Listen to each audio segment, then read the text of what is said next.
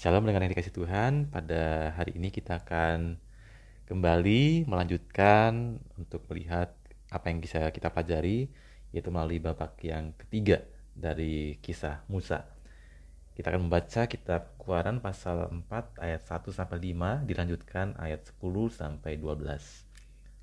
Lalu sahut Musa, "Bagaimana jika mereka tidak percaya kepadaku dan tidak mendengarkan perkataanku, melainkan berkata, Tuhan tidak menampakkan diri kepadamu. Tuhan berfirman kepadanya, Apakah yang di tanganmu itu? Jawab Musa, tongkat. Firman Tuhan, lemparkanlah itu ke tanah. Dan ketika dilemparkannya ke tanah, maka tongkat itu menjadi ular, sehingga Musa lari meninggalkannya. Tetapi firman Tuhan kepada Musa, ulurkanlah tanganmu dan peganglah ekornya. Musa mengulurkan tangannya, ditangkapnya ular itu, lalu menjadi tongkat di tangannya, supaya mereka percaya bahwa Tuhan Allah nenek moyang mereka, Allah Abraham, Allah Ishak, dan Allah Yakub telah menampakkan diri kepadamu. Lalu kata Musa kepada Tuhan, Ah Tuhan, aku ini tidak pandai bicara, dahulu pun tidak, dan sejak engkau berfirman kepada hambamu pun tidak, sebab aku berat mulut dan berat lidah. Tetapi Tuhan berfirman kepadanya, Siapakah yang membuat lidah manusia? Siapakah yang membuat orang bisu atau tuli? Membuat orang melihat atau buta? Bukankah aku, yakni Tuhan? Oleh sebab itu pergilah, aku akan menyertai lidahmu dan mengajar engkau apa yang harus kau katakan. Pada babak yang ketiga ini, kita melihat sesuatu yang ajaib terjadi. Saudara, kalau saudara menjadi Tuhan, apa yang Anda lakukan setelah tiga kali mengalami penolakan? Mungkin Anda sudah berkata, "Sudahlah, Musa, kalau memang kamu tidak mau memenuhi panggilanku, aku tidak akan memaksa. Uruslah saja kambing dombamu lagi sampai pada masa tuamu. Aku akan memilih orang lain untuk mengerjakan hal yang besar itu." Tapi menarik, Alkitab mencatat bahwa Tuhan begitu sabar dan masih berkata, Musa di tanganmu itu ada apa? Musa menjawab tongkat. Lalu Alkitab membuat rentetan peristiwa yang selanjutnya terjadi. Allah menyuruh Musa untuk melemparkan tongkat yang dipegangnya ke tanah. Dan kemudian tongkat itu berubah menjadi menjadi ular. Dan di balik kalimat sederhana dan dan pertanyaan Tuhan tadi terdapat hal yang sangat dalam ketika Tuhan berkata, "Apakah itu?" Dan ketika Musa menjawab, "Tongkat." Tongkat di sini adalah piranti hidup Musa sebagai seorang gembala. Sama seperti orang muda zaman sekarang ke mana-mana selalu membawa handphone. Ketika tidur ada handphone di sampingnya.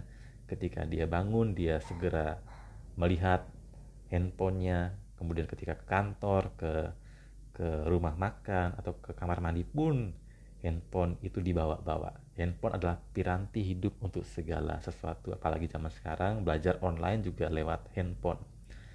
Nah, di sini sama seperti handphone, tongkat bagi seorang gembala seperti Musa adalah sebuah piranti untuk mengusir binatang jahat, menggiring kambing dombanya ke tempat di mana dan juga tempat di mana ia bertumpu dan kini Tuhan meminta Musa untuk melemparkannya dan kata lain sebenarnya Tuhan mau katakan pada Musa apa yang Musa andalkan, apa yang begitu penting bagi Musa, apa yang menjadi pegangan Musa selama ini haruslah Musa buang.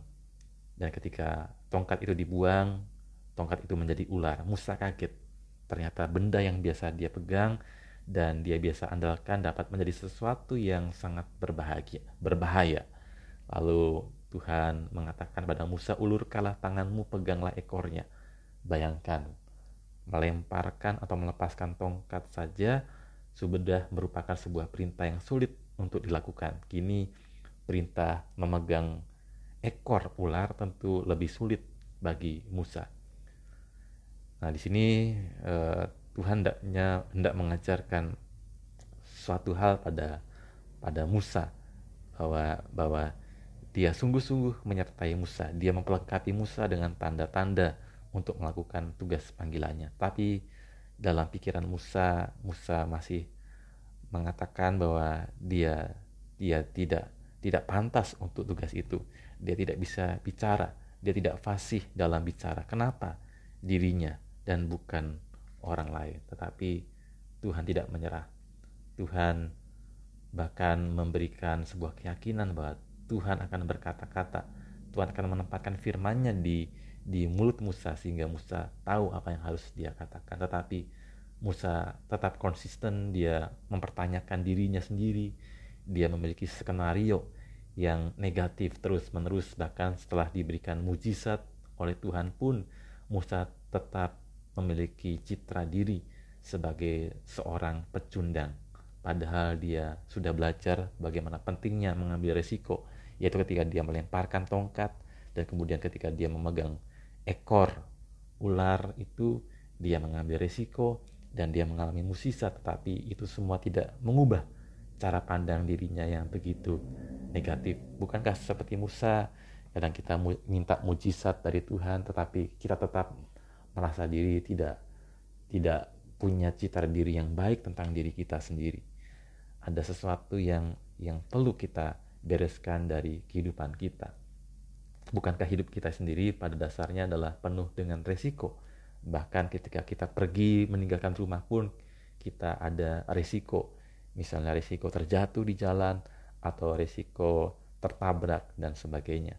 Tapi ketika kita mau mengambil risiko dan juga dengan sebuah pertimbangan yang yang matang tentunya, maka kita akan melihat bahwa ada mujizat yang terjadi, ada sesuatu yang ingin ingin Tuhan nyatakan sehingga iman kita diperdalam, sehingga pengenalan kita akan Tuhan juga semakin semakin diperdalam. Amin. Kita berdoa. Bapak kami bersyukur untuk uh, minggu yang ketiga ini di bulan ini kami boleh kembali belajar dari Musa bahwa kami menyadari bahwa hidup ini sesungguhnya adalah ada resiko. Ketika kami tidak berani mengambil resiko, maka kami tidak akan pergi ke mana-mana. Kami tidak akan menjadi siapa-siapa. Tetapi ketika kami berani mengambil resiko, tentunya resiko yang sudah diperhitungkan masak-masak, yang yang juga dengan sebuah visi, yang yang jelas dari Tuhan, maka kami akan sering kali mengalami mujizat dan juga hal-hal yang yang indah yang sesungguhnya Tuhan ingin sediakan bukan hanya untuk kami tetapi juga untuk untuk keluarga kami bahkan bangsa kami. Dalam Kristus kami berdoa. Amin.